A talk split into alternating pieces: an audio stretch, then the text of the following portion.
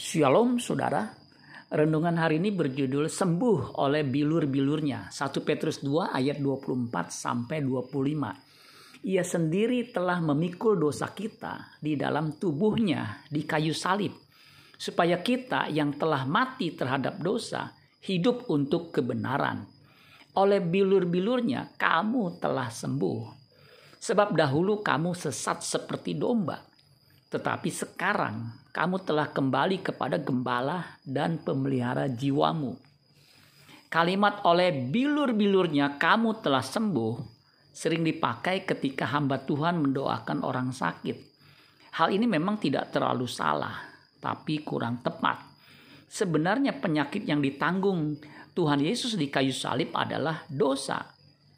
Kata dosa di ayat ini memakai kata Yunani hamartia bacanya hamartia tulisannya amartia. Artinya to miss the mark meleset dari sasaran. Kata hamartia terdiri dari dua kata yaitu a dan meros. A itu alfa alfa itu huruf uh, Yunani yang pertama yang artinya negatif partikel sebagai partikel negatif yang artinya tidak atau bukan. Meros artinya part due, bagian yang seharusnya atau assign to one, menentukan. Destiny. Destiny itu nasib. Secara hurufiah, arti hamartia adalah tidak mencapai destiny atau nasib yang sudah ditentukan. Pertanyaan terpentingnya adalah apa destiny manusia ketika diciptakan.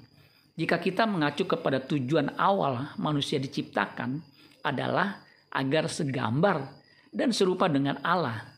Kejadian 1 ayat 26 sampai 27. Berfirmanlah Allah, baiklah kita menjadikan manusia menurut gambar dan rupa kita, supaya mereka berkuasa atas ikan-ikan di laut dan burung-burung di udara, dan atas ternak dan atas seluruh bumi, dan atas segala binatang melata yang merayap di bumi. Maka Allah menciptakan manusia itu menurut gambarnya. Menurut gambar Allah diciptakannya dia. Laki-laki dan perempuan diciptakannya mereka. Keselamatan di dalam Kristus hendak mengembalikan manusia kepada rancangannya semula.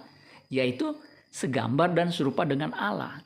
Oleh kematiannya di kayu salib kita yang percaya diberi potensi untuk sembuh dari cacat karakter alias kodrat dosa sehingga memiliki kodrat ilahi.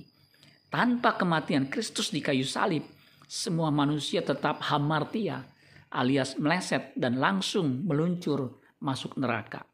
Amin buat firman Tuhan. Tuhan Yesus memberkati. Sola Gracia.